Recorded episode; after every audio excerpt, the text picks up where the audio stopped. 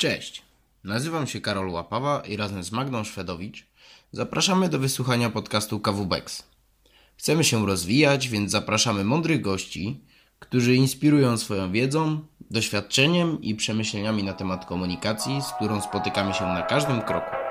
Team KWB, podcasty, webinary, treningi, challenge.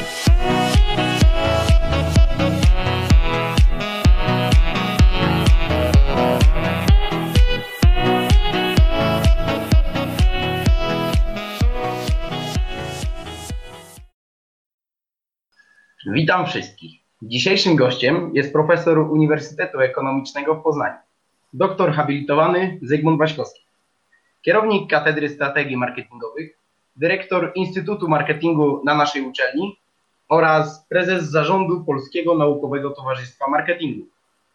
Bardzo ucieszyła nas chęć wsparcia projektu Team KWB przez Pana. Fascynującym uczuciem jest pozyskiwać wiedzę od tak doświadczonej osoby, której zależy na rozwoju studentów. Dzień dobry Panie Profesorze. Dzień dobry, witam Pani Magdo, witam Panie Karolo, witam Państwa. Pierwszą kwestią, którą chcielibyśmy poruszać, jest temat marketingu w sporcie. Czym jest i dla kogo? Dlaczego jest tak ważny? Jakie są i będą przed nami trendy? Bardzo mnie cieszy, że Pan użył właściwej nazwy marketing w sporcie, ponieważ e, bardzo często używa się potocznie nazwy marketing sportowy, która nie jest pojęciem, e, nie jest terminem poprawnym, ponieważ nie ma czegoś takiego jak marketing sportowy, tylko jest marketing w sporcie, ewentualnie marketing sportu. E, Generalnie tematyka marketingu sportu to jest bardzo szeroki obszar, e, również badań naukowych, nie tylko badań dziennikarskich, takich właśnie e, beletrystycznych, lekkich. Marketing sportu składa się z dwóch dużych obszarów. Składa się na, na to marketing sportowych organizacji, kluby sportowe, ale nie tylko kluby sportowe, te, które sport organizują, i to jest marketing sportu, a drugim obszarem jest marketing przez sport. E, I to jest e, ta forma marketingu, którą wykorzystują wszystkie przedsiębiorstwa komercyjne z różnych branż, które e, to firmy decydują się na wykorzystanie sportu jako przestrzeni komunikacji marketingowej. I wtedy mówimy o marketingu przez sport. Firma, która produkuje samochody, która produkuje obuwie, komputery, może wykorzystywać e, akcenty sportowe do promocji i to jest przykład marketingu przez sport. Czyli Mamy dwa duże obszary marketingu sportu. Marketing e, e, właśnie po angielsku jest marketing of sport i marketing through sport, czyli tak to trzeba sobie na początku w głowie ułożyć, a potem wszystko coraz prościej. No to chciałbym zapytać, jakie firmy robią dobrze, załóżmy, marketing w sporcie. E, Ja reprezentując dyscyplinę bokserską, e, mam ten przykład, jeśli chodzi o Polski Związek Bokserski, e, który nawiązał współpracę z firmą Suzuki. Myślę, że oni robią to całkiem fajnie, nagrywają spoty reklamowe, są też obecni na wszystkich wydarzeniach, które są transmitowane na TVP Sport. Może dowiem się, co, co im podpowiedzieć, co, co zrobić lepiej. Chciałbym się dowiedzieć, jakie firmy są przykładem marketingu w sporcie, marketingu przez sport. Przykładów pewnie jest dużo, natomiast trzeba wyjść od tego, że generalnie nie jest to sprawa prosta. E, No oczywiście są kluby sportowe, są zawodnicy gotowi zawierać kontrakty sponsorskie, tylko to musi być wszystko przemyślane i to w- gestii firmy jest wybór po pierwsze, czy chcemy się przez sport komunikować, bo nie musimy przez, przez sport, możemy przez inne e, obszary naszego życia społecznego czy, czy kulturowego się komunikować. Po drugie, jeżeli się przez e, sport chcemy komunikować, to jaki sport? Tu mamy e, też szeroką paletę od sportu masowego e, przez sport wyczynowy aż po sport profesjonalny. Następnie trzeba wybrać e, konkretną sportową dyscyplinę, czy to jest boks, jak to Pan powiedział, czy to może być na przykład łyżwiarstwo figurowe, czy to może być jeszcze inna e, sportowa dyscyplina. I tutaj ważna jest pierwsza sprawa, żeby dopasować mm, skojarzenia danego sportu, z czym się ten sport kojarzy widzom, kibicom, uczestnikom e, e, imprez sportowych, czy też szerokiej społeczności, e, z tym, z czym ma się ta firma kojarzyć. Jeżeli pan jest na przykład teraz, bądź pani Magda, tutaj, załóż, pani Magda ma swoją firmę i chce, żeby ta firma się, załóżmy, kojarzyła z jakąś lekkością, z jakąś finezją, żeby to było takie właśnie coś z gracją, coś eleganckiego, to raczej pani, e, firma pani Magdy nie będzie sponsorem e, pana klubu bokserskiego, no bo boks się z tym nie kojarzy. Więc to jest pierwsza rzecz, skojarzenie, dopasowanie skojarzeń sportu y, z marką, z wizerunkiem marki, którą chcemy wykreować. No i jeżeli dopasujemy już teraz właśnie te, dwie, te dwa elementy, wizerunek marki, który chcemy wykreować, z wizerunkiem sportu, który e, mamy na myśli, to można podjąć działania nad poszukaniem konkretnego podmiotu, którym może być albo klub sportowy, albo zawodnik, co ma miejsce częściej w przypadku sportów indywidualnych. A później już kwestia rozmów, negocjacji, no i wykorzystania tych właśnie mm, różnych form komunikacji za pośrednictwem tego podmiotu, którym jest, jak powiedziałem, klub albo zawodnik, lub też inne podejście, promocja przez sport za pośrednictwem wydarzeń sportowych. Więc mamy tak by trzy możliwości promocji marki, budowania marki przez sport. Poprzez kluby sportowe, poprzez zawodników, e, to są umowy indywidualne, albo poprzez wydarzenia sportowe, które e, są jakby takim właśnie no medium, e, począwszy od Igrzysk Olimpijskich po mistrzostwa, przez Mistrzostwa Świata kontynentalne, aż na niższych rangach imprez kończywczych. Tak to mniej więcej od ogółu do szczegółu wygląda. Mhm. Gdy myślę o konkretnej firmie, chciałbym przedstawić słuchaczom firmy, które możemy nakreślić jako e, współgrające z wizerunkiem marki e, i wizerunkiem sportu. Myślę, że ciekawą firmą jest tutaj Red Bull, który sponsoruje bardzo dużo sportów ekstremalnych i tak naprawdę mm, rynek, rynek napojów energetycznych pokazuje, że te napoje są bardzo podobne, ale jednak ludzie wolą wziąć droższego Red Bulla, który kojarzy się z ludźmi e, z pasją i z chęcią może do ryzykowania. Czy ma Pan jakieś inne tego typu firmy w głowie? Czy przykład, przykład dobry Red Bulla Pan, pan podał?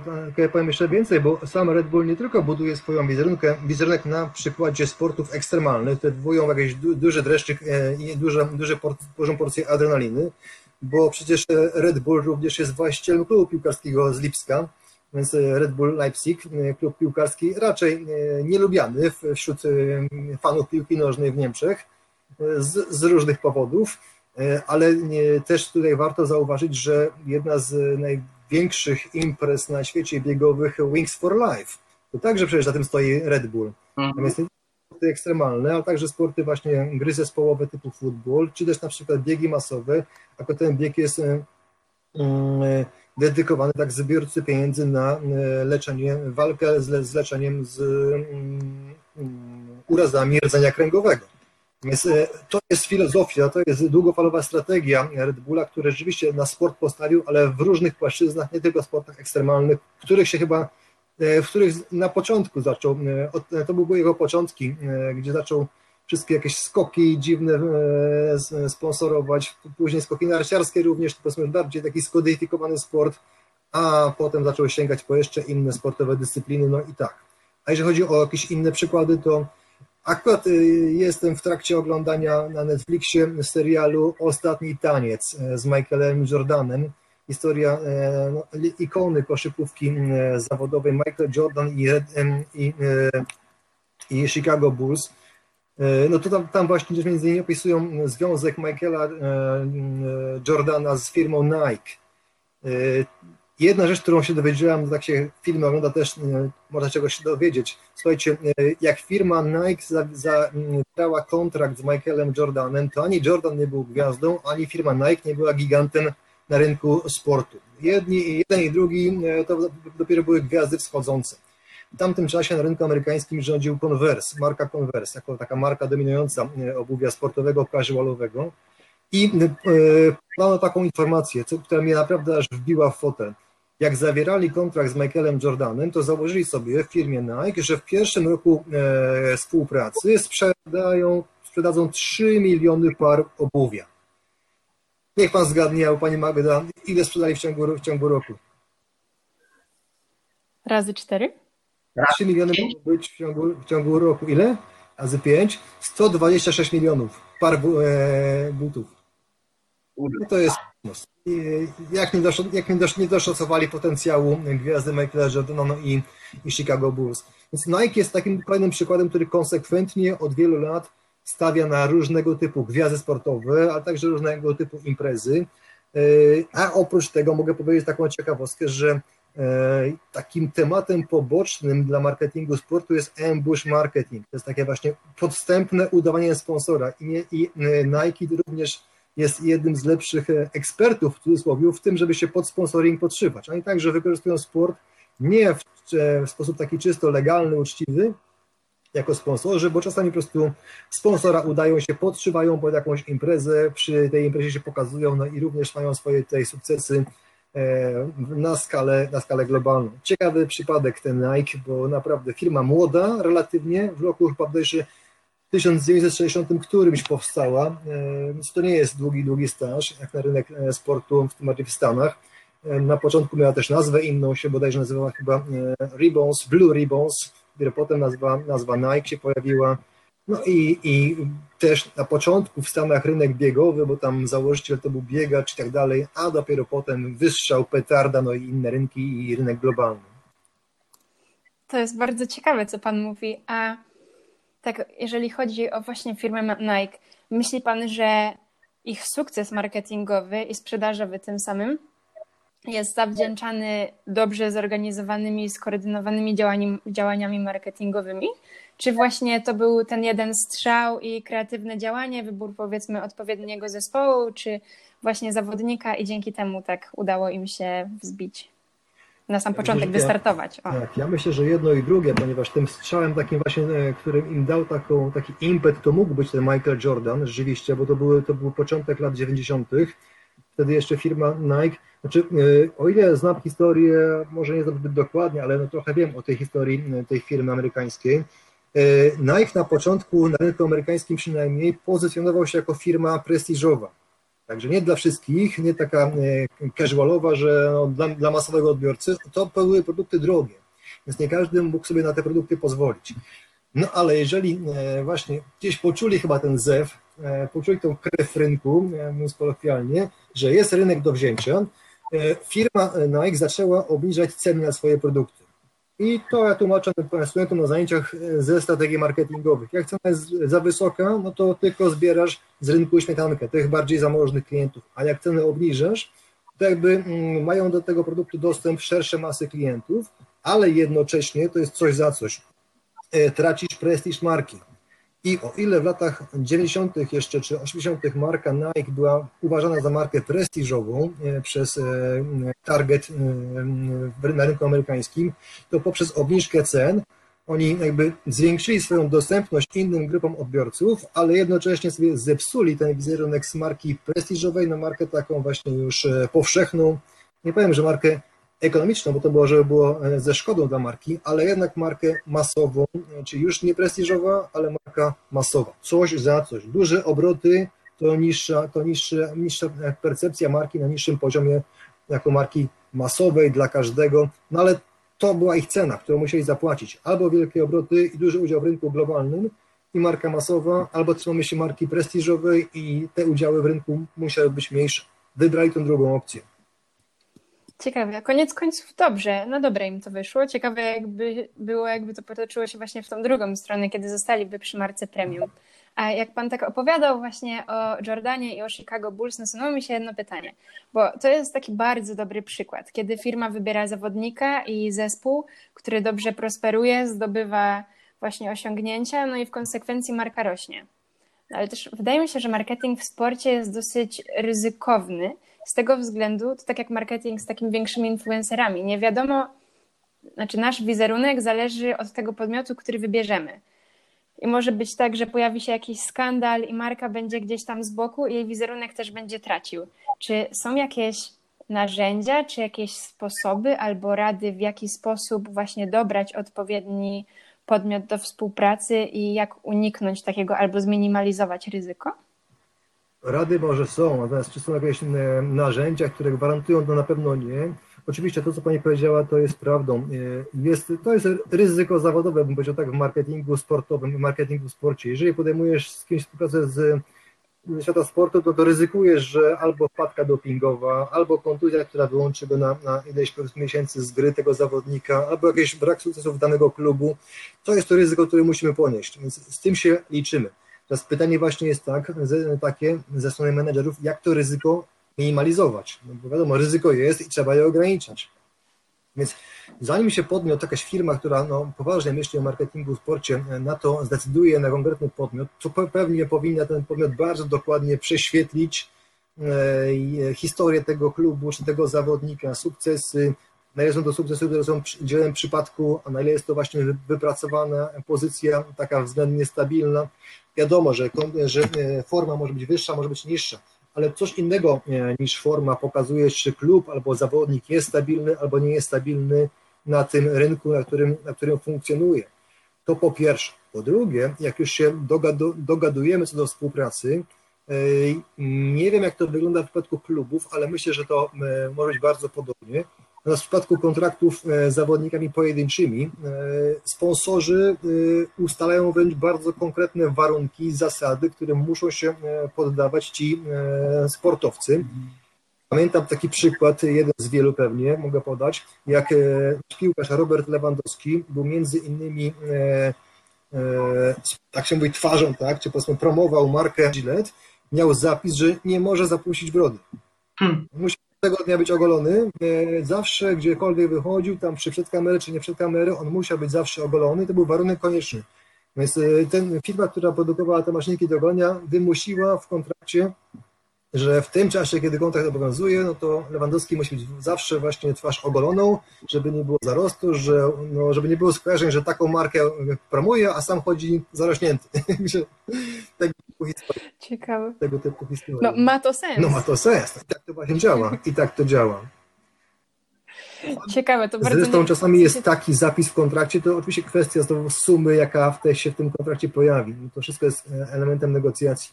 Może być taka sytuacja, że firma, załóżmy, zawiera kontrakt sponsorski z zawodnikiem na okres dwóch lat, ale w, ale w kontrakcie zapisane jest powiedzmy, że ten zawodnik nie może, załóżmy w ciągu dwóch lat od zakończenia kontraktu, promować żadnej innej marki konkurencyjnej tego sponsora. Oczywiście za to mu zapłacą, tak, odpowiednią kwotę, ale ten zawodnik, którego już kontrakt nie wiąże, bo się skończył, nie może zawrzeć, zawrzeć innego kontraktu, no bo poprzedni go jeszcze powiedzmy blokuje. A wszystko chodzi, wszystko e, po to, żeby nawet jak się kontrakt skończy, żeby konsumenci nadal kojarzyli tego zawodnika z tą marką, która już może nie jest oficjalnie jego sponsorem, ale ciągle przez inną markę konkurencyjną nie jest jakby zakryta, nie jest powiedzmy gdzieś tam przyćmiona. To są już takie sztuczki, sztuczki, niuanse prawno-menedżerskie, to wchodzimy w szczegóły, ale to jest tak, jest to fascynujące, jak to wygląda. Tak, to brzmi jakby faktycznie każdy kontrakt był opisany za każdym razem z nowymi uwzględnieniami, faktycznie dostosowany do zespołu, do osoby, do firmy, w ogóle do całych no, celów no, kampanii. W tej, chwili, w tej chwili, jeżeli mogę jeszcze dodać e, sytuację taka bardzo bieżąca, to e, trudna raczej z perspektywy zawodników, kiedy mm, duże firmy, które mają duże kontrakty, renegocjują warunki kontraktowe ze sportowcami, którzy mieli jechać na olimpiadę w tym roku, ale nie ma olimpiady, w związku z tym nie ma tej promocji i robi się bardzo e, to niefajne, kiedy wielcy sponsorzy proponują nagle renegocjację warunków umowy, obniżenie kontraktu o 60 albo jeszcze więcej procent, no bo nie mają tak imprezy. I teraz y, zawodnik e, trenuje, jest w gazie, jest przygotowany, jest medialny, ale z różnych powodów nie ma imprezy, na której miał się pokazać i tą markę promować, no i nagle warunki umowy muszą być, e, czy, czy no właśnie, propozycja jest do renegocjacji, często propozycja nie do odrzucenia. Więc to życie jest fantastyczne. Trudna sytuacja. Trudna sytuacja, bo też dla tych sportowców, bo też nie jeżdżą na zawody, nie zarabiają. Dlatego sytuacja nie jest trudna. Chyba, chyba mało jest takich osób. E, myślę, że to jest bardzo ciekawy temat do poruszenia, jak będzie wyglądać rynek i jak, jak to się zmieni, jakie zmiany wymusi ta sytuacja na organizatorów, na, dla, na organizatorach zawodów i myślę, że e, Pana wiedza jest tak zachwycająca, że Team KWB powinien skorzystać z tego zasobu i poprosić o rozwinięcie współpracy i nagralibyśmy webinar na ten temat. E, no, to takie. Ma problemu. Jeśli chodzi o takie nowinki, które się w tej chwili dzieją, to słuchajcie, e, no rozwijają się różnego typu imprezy wirtualne, tak? Ja w telewizji oglądam na Eurosporcie na przykład profesjonalni kolarze ścigają się wirtualnie w jakimś wyścigu kolarskim, gdzie każdy z nich kręci na poddaszu, ma przed sobą, jak ja widzę was, to nie widzą trasę i się ścigają tam. koment, co więcej, komentatorzy sportowi e, niesamowity, e, przeze mnie uwielbiany Krzysztof Jaroński komentuje e, wyścig kolarski, który jest wirtualny, no i tam gdzieś ta linia się pojawia, krzaki, krzaki są narysowane, ptaki ćwierkają, jakieś górki, jakieś wody, no, fantastyczna sprawa i się ścigają. To jest poziom sportu najwyższego. Na mi najbliższym, ukochanym rynku imprez biegowych też się przecież to dzieje i pojawiają się, słuchajcie, imprezy biegowe wirtualne, jak nie można wystartować razem, to startujemy każdy tam, gdzie mieszka, a potem tylko te wyniki jakoś tam scalamy, zrzucamy. No jest oczywiście to trochę zabawne, bo każdy ma inną trasę, ale yy, przed ja miałem w planach wystartować w ubiegłą niedzielę 9 maja w półmaratonie w Białymstoku, jeden z lepszych e, e, biegów półmaratońskich w naszym kraju. Jako, że nie mógł dojść do skutku, to organizator zorganizował w zastępstwie bieg półmaratoński wirtualny. No i w, w, tym tygodniu chcę połówkę pokonać u siebie w Poznaniu, pod Poznaniem, gdzieś tam będę śmigał i potem mu wyślę swoje wyniki, on to wstawi do tabeli. Korespondencyjnie w kopercie mi prześlę, jak każdemu innemu finisherowi, medal, koszulkę, także wszystko jest, tylko że nie ma tego ramię w ramię, tego, tego e, starcia konkurentów. Niesamowite. A podczas takich imprez biegowych korzysta się z jakiejś jednej aplikacji, na której porównuje się wyniki, czy to jest tak no, na słowo, każdy wysyła Endomondo, no nie, to są aplikacje specjalne, tak Endomondo jest tak najbardziej popularnym, ale można też z każdego takiego zegarka sportowego zgrać wynik, no i ten wynik jakby przesłać. Więc e, to, to są tak wiarygodne informacje, bo można je przesłać, tylko że no, oczywiście nie są porównywalne, to jest bardziej w formie zabawy, no bo ja mam więcej pod górkę, ktoś ma bardziej po piasku, ktoś ma bardziej z górki, z wiatrem, no to wiadomo, że to nie są jakieś tam powiedzmy na, na poważnie, ale żeby jednak e, trzymać e, tą, tą, tą taką powiedzmy to, to, to czego nas, nam brakuje, brakuje nam e, tej społeczności biegowej, no my nie możemy się spotykać, nie widzimy się, nie, nie ma tej, tej rozmowy, nie ma tej atmosfery podczas imprez, e, żeby, e, żeby to jakby chociaż trochę podtrzymać, to są te biegi wirtualne, które się rozwijają w Polsce w tej chwili, myślę, że nie, tylko w Polsce, ale nowy, nowy typ biegów. No myślę, że to jest spore wyzwanie dla kreatywności organizatorów. Jest, jest, Naprawdę jest. myślę, że rozwijmy to i spróbujmy na, na webinarze, bo no kurczę, to są rzeczy, które jeszcze się nie wydarzyły i to naprawdę za 10 lat może mogą być jakieś przyszłości biegu, gdzie ludzie z całego świata będą mogli się spotykać teoretycznie w jednym miejscu. Nie wiem, czy uda się ustalić taką samą trasę. Na pewno kółka na stadionie, no ale to też inny wiatr, inne... inne... Przykładem, tego, przykładem tego jest już wspomniany Wings for Life, gdzie bieg odbywa się w tym samym czasie dokładnie, rzeczywistym, e, w kilkudziesięciu krajach świata. Przy różnych strefach czasowych to też e, wychodzi bardzo dziwnie, bo na przykład w krajach azjatyckich oni startują tam o trzeciej w nocy startują, My startujemy komfortowo o 10 w Poznaniu, bo bieg jest w Poznaniu tylko w Polsce. To jest super e, pora. Natomiast e, w innych krajach są inne strefy, tam mają start o 10 wieczorem, o, o 3 nad ranem start, startują, ale wszyscy biegną w czasie rzeczywistym, no i ten samochód e, meta goni każdego tam powiedzmy na trasie, co się już dzieje. Natomiast to, co Pan powiedział, rzeczywiście my, my, my w sensie ja i tutaj koledzy z, z rynku biegowego, z którymi współpracuję bardzo mocno, My już myślimy o tym, jak będzie wyglądał rynek imprez biegowych po pandemii. Nie w trakcie, bo w trakcie to wiemy, że zamrożone są imprezy wirtualne, mhm. ale to, jak to się odbuduje i tutaj jest e, wielka niewiadoma, jest kilka scenariuszy, które się w naszych głowach rodzą, jak będzie wyglądał rynek imprez biegowych za pół roku, za rok. Na pewno będzie bardzo, bardzo zmieniony. No właśnie, a jakie są Pana przewidywania? Moje są... Yy no tak, następująco to scenariusze sobie po mojej głowie chodzą w tej chwili. Po pierwsze trzeba wyjść od tego, co było. Było to, e, mówiąc językiem naszym, mówię naszym w sensie wysłuchacze i my, ekonomicznym, e, mieliśmy do, czynienia z rynkiem rozproszonym. Może Państwo znacie te kategorie z wykładów, powinniście je znać. Rynek skoncentrowany to kiedy jest kilku silnych graczy, którzy mają większą część rynku, no i tam jakaś drobnica, małe firemki powiedzmy dookoła. Albo jest drugi model rynku rozproszonego, gdzie jest kilkudziesięciu, kilkaset e, firm, każda z nich ma niewielki udział rynkowy, no i to jest właśnie przykład takiego rynku rozproszonego. I mieliśmy do tej pory model e, na rynku imprez biegowych, ten właśnie model rynku rozproszonego, bo oprócz tego, że kilka, oczywiście może jest dużych biegów w Polsce, ale patrząc od kuchni, kto to organizuje, to są cały czas podmioty niewielkiej, niewielkiej e, wielkości, niewielkie typu OSIRY, fundacje, jakieś stowarzyszenia. Mówi się, że część z tych e, e, imprez upadnie, bo to jest kwestia jednak finansów, płynności finansowej. Koszty imprezy, organizacji imprezy są coraz wyższe, coraz bardziej te koszty rosną. Natomiast nie będą mogły wzrastać opłaty startowe, no bo po prostu biegacze tego nie wytrzymają.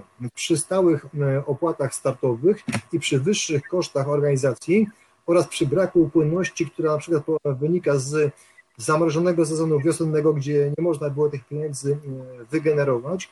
Na jesień już pewnie wiele biegów się nie odbędzie, a za rok pewnie będzie jeszcze mniej tych graczy na rynku, co znaczy, że teraz właśnie, co się może wydarzyć?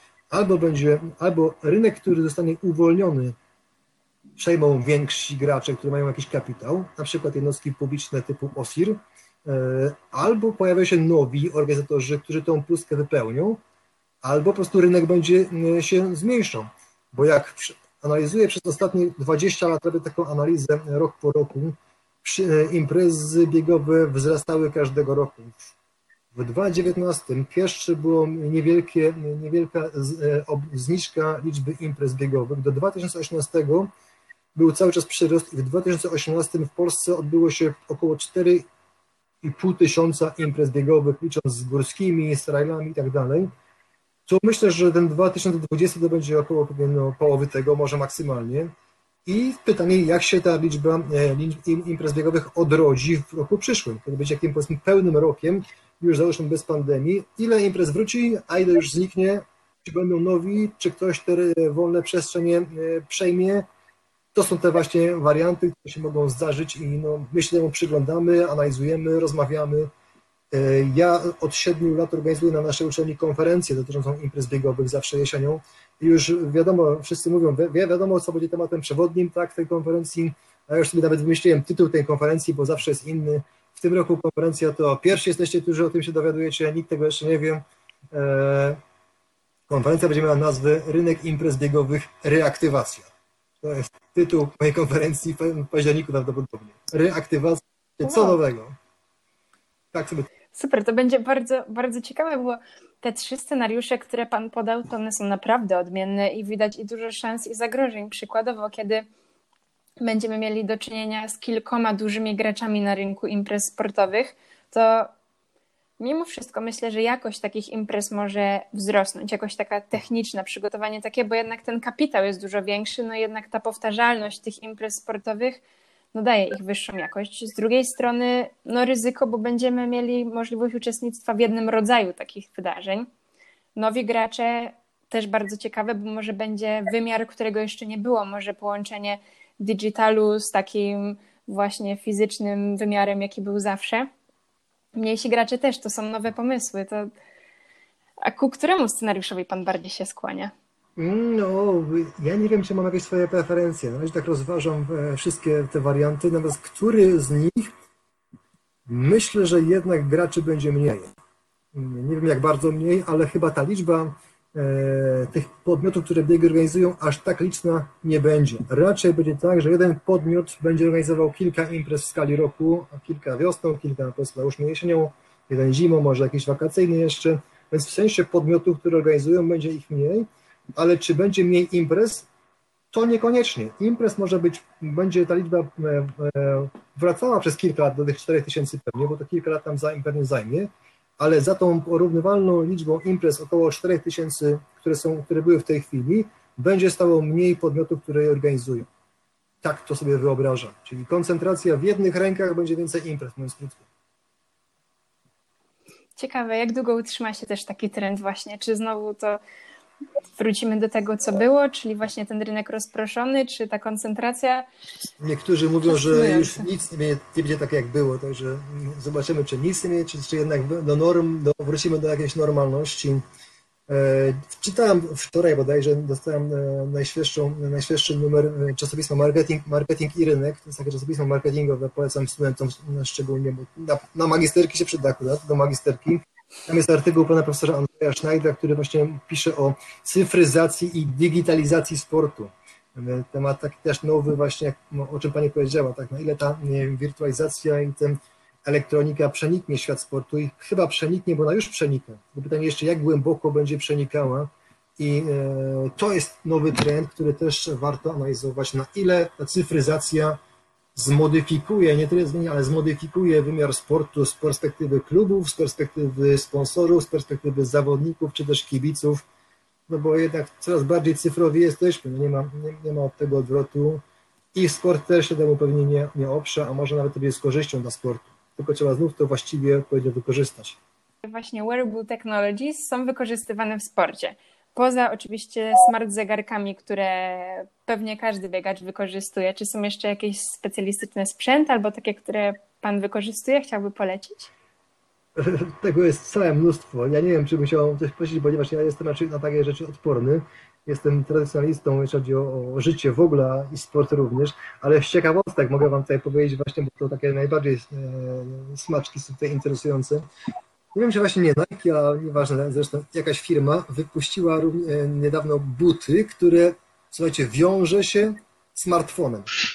Wiąże butów e, smartfonem. Czyli aplikację się ściąga na smartfona i można guziczkiem buty zawiązać.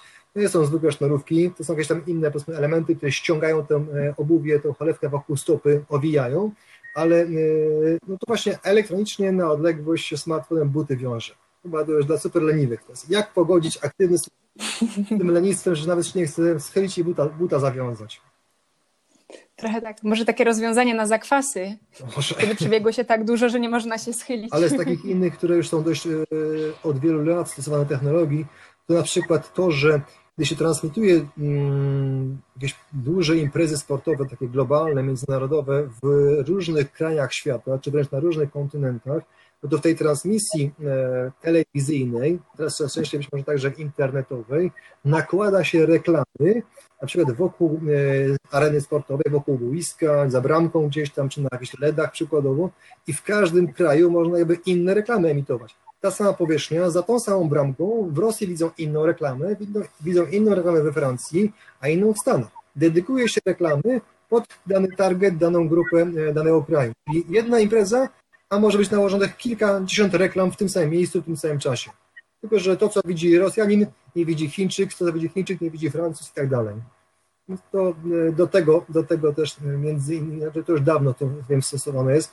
E, z obszaru pana Karola, panie Karolu, pan przecież doskonale wie, jak bokserzy, szczególnie w boksie zawodowym, chodzą jak słupy reklamowe, tak? Też przecież te napisy na plecach zawodników Niech pan powie w ogóle, bo ja nawet nie wiem, czy to są, czy nie są zmywalne te napisy. Jakieś tam Pruszyński, a coś innego, jakieś tam na plecach się pojawia jak zawodników podczas walki tak, bokserskiej. Jak tak, to jest? To jest, to jest tatuaż zazwyczaj robiony henną, później już może są jakieś tam inne naklejane metody, no ale wiem, że mój brat, bo ja walczę w koszulce, także ja mam loga sponsorów na koszulce. Mój brat mhm. toczył kilka pojedynków zawodowym MMA i sam, sam mu e, tatuowałem, że tak powiem, napis logo firmy Canon. E, za pierwszym mhm. razem to wyszło nam bardzo średnio, bo nam się porozlewało. Później mieliśmy już lepszy wzór, który wydrukowała nam ta firma, e, która odpowiadała za marketing i zorganizowanie też całej gali. E, I to już wyszło bardzo dobrze. Wyszło po jakichś 3-4 dniach. Mhm. Tak, pamiętam moją przygodę, jeśli chodzi właśnie o e, nowinki technologiczne, informacje, które dodają pewnej wartości takiej e, dla klienta a propos naszego wykładu, który prowadzę marketing wartości. Brałem udział w 2014 roku, to było w maratonie w, maratonie w Londynie i wówczas, no i po imprezie dostaje, każdy uczestnik może tam gdzieś e, sobie kliknąć, klikając na swój numer startowy, swoje wyniki obejrzeć, ale te wyniki już były tak podane w tak różnych e, fajnych konfiguracjach, jak nigdzie dotąd, do tej pory, nawet później nie spotkałem. Znaczy, oprócz tego, że jest oczywiście wynik netto, wynik brutto, nie wszyscy wiedzą, czym się różni wynik netto i brutto, no ale to są, e, to jest abecadło, nawet nie warto tego mówić. Ale podaje się wyniki na przykład co 5 km zawodnika, co więcej, e, ja widziałem swoje wyniki, mam nawet to w komputerze ściągnięte na twardym dysku. Jakie miałem, jaki byłem, e, na jakim miejscu byłem względem e, pierwszego zawodnika na piątym kilometrze, ile miałem zawodników za sobą. Potem na dziesiątym kilometrze mi znów pokazało, ile mi zostało do pierwszego, a ile zostawiłem z tyłu. Ile w ciągu tych pięciu kilometrów wyprzedziłem mężczyzn, ile, ile mnie wyprzedziło z kolei innych zawodników więc e, takie zrzuty z góry, gdzie kropeczką czerwoną byłem ja, a cały taki długi wąż kropeczek to byli inni zawodnicy. Analiza wszechstronna, e, co się działo na trasie, no naprawdę kapitalne statystyki i to dopiero właśnie pokazuje, co się działo podczas tego biegu i zawodnik wtedy analizuje, przeżywa to jeszcze raz. I a propos tych doświadczeń, które się później powtarzają, ten sentyment, ta nostalgia, no to to nie jest tylko start, to nie jest tylko meta, medal i, i, i, do domu. To są jeszcze detale, które robią wielką różnicę, do których się wraca wiele, wiele razy, e, a nawet, nawet i lat. E, także fantastyczne historie, jak tylko ktoś potrafi coś takiego właśnie wymyśleć. A z takiego przykładu, e, nawet pod, podwórka domowego, słuchajcie, nasz maraton poznański, który jest zawsze w październiku, wymyśliliśmy wspólnie z panem dyrektorem maratonu, z którym mam świetny kontakt, zaproponowałem mu, mówię, Łukasz, słuchaj, wstaw jakiś, bo gdzieś widziałam, czy słyszałam, na mecie, słuchajcie, był kilkukilogramowy dzwon postawiony. I teraz każdy, kto przybiegł na metę i zrobił życiówkę, to w ten dzwon mógł zadzwonić. Więc jak słyszałeś dzwon, aha, znowu padła życiówka w Poznaniu. Znowu dzwon, kolejna życiówka w Poznaniu. No to rzeczywiście fajny bieg, bo tu ludzie robią życiówki i to poszło w Ether, to poszło w social media, zwalili w ten dzwon, sobie robili zdjęcia przy dzwonku, a ludzie mówią, kurczę, szybka trasa w Poznaniu. Doskonały pomysł. Takie historyjki. Super, to bardzo motywuje, no i też zachęca, żeby brać udział właśnie w takich imprezach biegowych. A teraz mam takie pytanie do Pana o ten 35-letni związek z bieganiem. Już tak trochę poruszyliśmy ten temat, ale jesteśmy bardzo ciekawi, jak to wszystko się zaczęło i też jak jaki jest sposób, żeby tak długo w tym wytrwać, bo wiadomo, że tak jak Pan już mówił, cała społeczność i te emocje wokół, wokół zawodów, nie tylko podczas samych zawodów, to na pewno integruje, ale też są wiadomo momenty kryzysowe, jak przez takie momenty przebrnąć? Jak było to u Pana? No jak, jak już Pani zauważyła, bym mógł mówić tak długo o tym bieganiu, jak długo biegam. A biegam rzeczywiście ponad 35 lat, bo zacząłem E, no pomijając jakieś tam bieganie za piłką w podstawówce każdego dnia na boisku, no to takie bieganie już powiedzmy świadome dla jakieś dystanse, jakieś wyniki, wyniki, konkurencja na skalę województwa, potem skalę e, ogólnokrajową zaczęła się od szkoły średniej, czyli w wieku 15-16 lat. No jak dodając teraz 35 lat, to wiadomo ile mam lat w tej chwili. Mam już 50 na karku i od początku szkoły średniej właściwie, jak zacząłem się bawić w to bieganie w sekcji sportowej w, w, w szkole średniej, mieliśmy swoje sukcesy, mieliśmy swoją sekcję, e, zawody Mistrzostwa Polski, także udawało nam się drużynowe osiągać w naszych e, konkurencjach, w naszych kategoriach. No i co, potem matura, po maturze e, zostałem studentem, tak jak wy, Akademii wówczas Ekonomicznej w Poznaniu, obecnie Uniwersytetu, mojego miejsca, moje miejsce pracy. Na uczelni sekcja, do wyboru było albo zajęcia WF-u, albo sekcja sportowa. Ci, co byli na sekcji, na WF nie chodzili. No i tak jest do tej pory. Zapisałem się na sekcję lekkoatletyczną. Tam była bardzo fajna grupa sympatyczna e, biegaczy e, pod kierunkiem e, no, niesamowitego człowieka, fantastyczna osoba, pan Janusz Grzeszczuk, kierownik tego studium, obecnie już emerytowany, ciągle nasza taka ikona i mentor biegaczy na naszym uniwersytecie. No i tam znów no, konsekwencja, bieganie, treningi, dwa treningi w tygodniu. Nie wiem, czy wiecie, że e, w sala, w której macie wykłady, czasami w 111 w budynku A, to jest była sala gimnastyczna. Tam się odbywały e, treningi, e, jakieś tam zajęcia z WF-u, tam gdzie są te drzwi po dwóch stronach sali, tam nad tymi drzwiami wisiały kosze do koszykówki, pod ścianą stały drabinki, no i tam się wylewało poty po prostu, nie? Jak pamiętam, dwa treningi tygodniowo zawsze były na sali zimą, E, jak tam przyjeżdżaliśmy na treningi, taka stała waga e, w przedsionku, taka manualna. E, zdarzało się, że po półtora godzinnym treningu ja zrzucałem półtora kilograma wagi. Półtora kilo przez półtora godziny treningu. Jak sobie jeszcze do tego weźmiecie pod uwagę, że ja nie byłem jakimś otyłym zawodnikiem, czyli nie, nie bardzo było z czego zrzucać, to naprawdę to jest szacunek do tego treningu. Przez półtorej godziny dać taki wycisk, że półtorej kilograma zeszło, no to tak to właśnie wyglądało. Również zawody AMPy słynne, czyli Mistrzostwa Polskie Akademickie, w których brałem udział. Zresztą udało mi się w jednych z nich wygrać. Nie pamiętam, który to był rok, chyba byłem na trzecim roku studiów. Wygrałem na 800 metrów, byłem mistrzem Polski, a na 400 miałem wicemistrza Polski. To były takie moje osiągnięcia z akademickich czasów. No i co, studia zleciały, jak każdemu, wam też pewnie niedługo zlecą. I w zasadzie jakoś tak zostało przez zasiedzenie, to bieganie, chociaż e, tak, taki okres po e, studiach, 20 parę, 25, 30 parę lat, takie bieganie, ale powiedział na pół gwizdka, bez większego szału. Zresztą wtedy też nie było zawodów, żeby startować za bardzo, nie było tych imprez, nie było gdzie się zmierzyć, no to biegałem sobie tak tylko dla podtrzymania formy. Potem się rozwinął rynek imprez biegowych no, i ja się zacząłem w te imprezy gdzieś tam wpisywać, zapisywać, no i jak się startujesz, to zawsze trzeba mieć tą formę wyższą. I zacząłem biegać więcej i tak naprawdę od 10 lat to biegam więcej niż biegałem jeszcze wcześniej, w wieku, w wieku 30 kilku lat. A taką jeszcze e, jedną ciekawostką, e, a propos tej, zaraz do tej kontuzji przejdę i tej przerwy motywacji, ale taką ciekawostką e, z mojej perspektywy to jest udział w pierwszym maratonie. Bo ja marzyłem o tym od zawsze.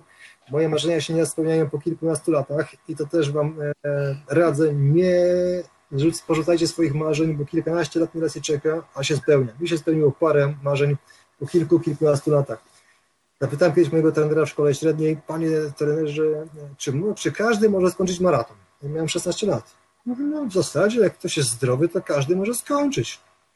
To w porządku. Ja tak kurczę o tym maratonie myślę, myślę cały czas, rok po roku, ale to jest 42 km, przecież to jest niewyobrażalne. To jest kosmos. Jak ja na treningu przebiegam około półtorej godziny, kilkanaście kilometrów, no to to jest maks, ile ja i już potem umieram. Jak ja mam biec 40 parę kilometrów na raz? No i to ta blokada mentalna, że to jest nie do wykonania, no i nie biegają, ale przecież ja jestem biegaczem, wiem co to znaczy. No nie, nie do osiągnięcia. No i ale kiedyś to jednak to brzemię urosło, trzeba było się przełamać. E, pobiegłem w, we wrześniu dawnego roku mm, pierwszy półmaraton w Pile, e, a w październiku pobiegłem zaraz miesiąc później pierwszy półmaraton w Poznaniu, tylko po to, żeby skończyć, żeby poczuć tą satysfakcję, że jestem maratończykiem, przebiegłem cały i już sobie tam spokój później. Już więcej nie będę chciał tego biec. No i pobiegłem, e, skończyłem. Po kilku dniach koledzy mówią, słuchaj, jedziemy do Paryża na maraton, jedziesz z nami? No pewnie, że jadę. I wiosną już był Paryż i potem się już potoczyło i w tych przez 20 parę maratonów na, na, na koncie i sobie inaczej tego nie wyobrażam. Ale chciałem tylko raz. I to tak bywa, że, że czasami ciąga i już później. A taki jeszcze jeden epizod, jeżeli mogę krótko powiedzieć, właśnie z moich czasów studenckich. Mieszkałem w Akademiku na Dożynkowej, w budynku E przez większość moich studiów, pokój numer 30 pamiętam jak dzisiaj, na parterze. E, I zdarzyła mi się kontuzja, skręt kostki na, e, podczas gry w koszykówkę na, na, na treningu, która mnie wyłączyła z ruchu na wiem, kilka miesięcy dobrych, także poważna kontuzja i nie mogłem ani biegać. I to był ostatni rok moich studiów chyba bodajże. Cały semestr właściwie byłem wyłączony. I to był najgorszy semestr, najgorszy czas w moim życiu, bo najwięcej czasu zmarnowałem. Słuchajcie, jak nie, nie biegałem, jak nie uprawiałem sportu, to miałem takiego lenia od razu, ani się nie uczyłem za bardzo, bo mi się nie chciało, byłem zmęczony, a to do południa spałem, wstawałem o wpół do 12, o 12 na przykład, tam się z tego wyrka w akademiku zwlekałem. Nie było co robić, bo nie było treningu. Z perspektywy czasu E, to wspominam, że to jest najbardziej stracone pół roku mojego życia. Bez aktywności fizycznej, które od razu mi tam gdzieś spowodowało, że gasły inne motywacje i do nauki, i do czytania książek, i cokolwiek innego. Jak nie ćwiczysz, to po prostu jesteś połową siebie. Myślę. Jest mnóstwo czasu wtedy na właśnie lenienie się.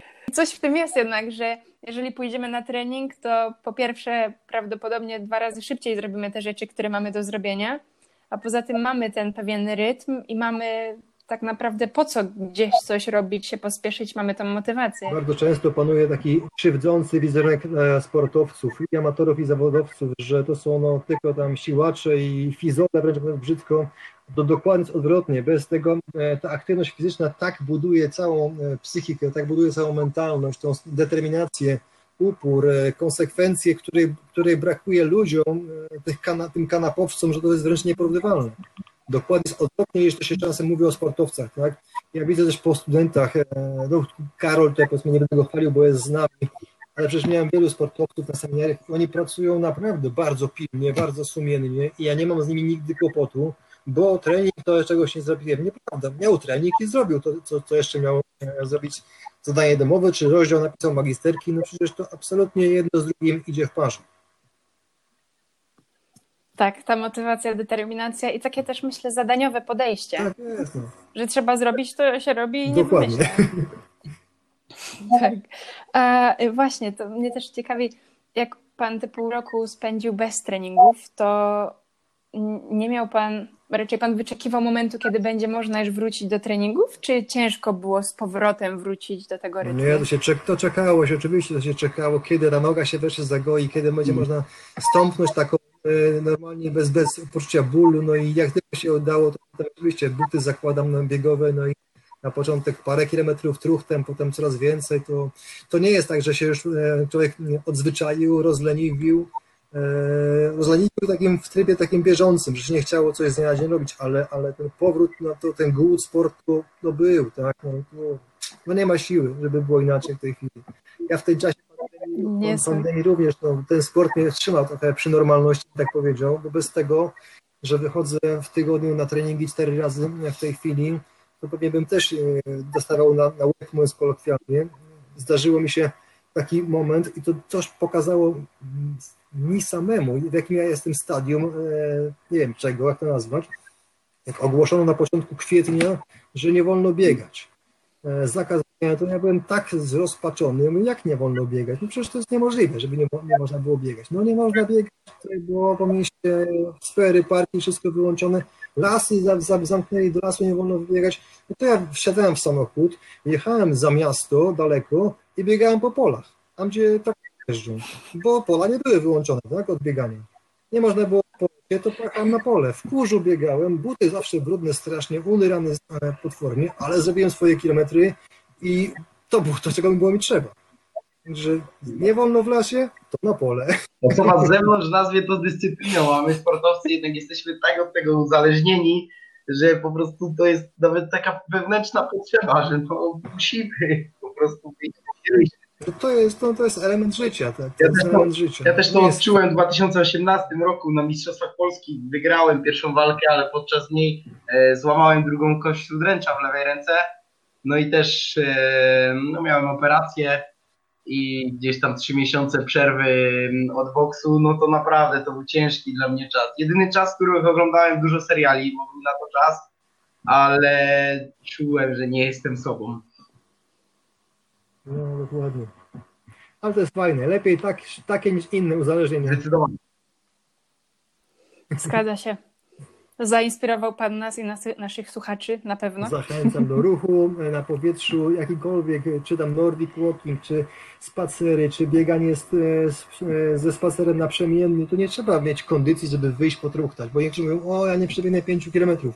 To biegnij pół kilometra, a drugie pół idź. I znów pół kilometra, i znów pół kilometra pójdziesz. No to można marszobiegi organizować sobie. Ja im widzę y, tęższego bądź tęższą e, biegaczkę na trasie, tym bardziej jestem e, pełen podziwu dla takiej osoby, że ma dużą wagę, nadwagę, a jednak wyjdzie potrenować. Może jakiś szczypior śmiga koło mnie, no to hmm, ma warunki, to śmiga koło mnie, ale jak ktoś powiedzmy ma gdzieś tam na karku może prawie że 90 kg, no to to jest dla mnie właśnie wyczyn, tak? Że sam z siebie może wcisnąć no i mimo, mimo to, że jest mu pewien ciężko biec, to biegnie. To, to, to ja właśnie takie postawy bardzo szanuję. Dokładnie, zawsze, zawsze da się ruszyć z miejsca. Nie trzeba od razu przebiec maratonu, nie trzeba e, poświęcić wiele czasu. Można takimi małymi kroczkami ja dbać o swoje zdrowie, bo sport to zdrowie. Dobrze. Bardzo dziękujemy za pigułkę naszpikowaną nowymi informacjami. Jesteśmy też bardzo wdzięczni za pomoc w kontakcie z profesjonalnymi sportowcami, czyli lekko, lekkoatletką Patrycją Wyciszkiewicz i ultramaratończykiem Arturem Kujawnickim. Planujemy również porozmawiać z nimi tutaj w Kawubeksie. I no super, myślę, że naprawdę fajna rozmowa, w fajnym kierunku ona poszła i ja czuję, że dowiedziałem się bardzo dużo. Dziękuję bardzo. Dziękuję również Państwu e, za spotkanie, za możliwość, aby o tym porozmawiać, bo to, jest temat dla- mnie również e, fascynujący i zawsze o tym mogę godzinami rozmawiać. Także dzięki bardzo i Was serdecznie pozdrawiam. Dziękujemy za wysłuchanie podcastu KWBEX. Mamy nadzieję, że podobała Wam się rozmowa. Jeżeli tak, poświęćcie swój czas, proszę, aby pozostawić swoją recenzję pod postem na Facebooku lub Instagramie z tym odcinkiem. Zachęcamy Was do śledzenia fanpage'y Fury Szczęścia i Bifora KWB na Facebooku oraz konta Team KWB na Instagramie. Już jutro czeka nas ciekawe wydarzenie.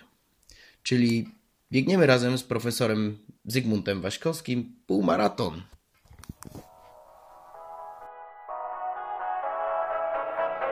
Team KWB, podcasty, webinary, treningi, challenge.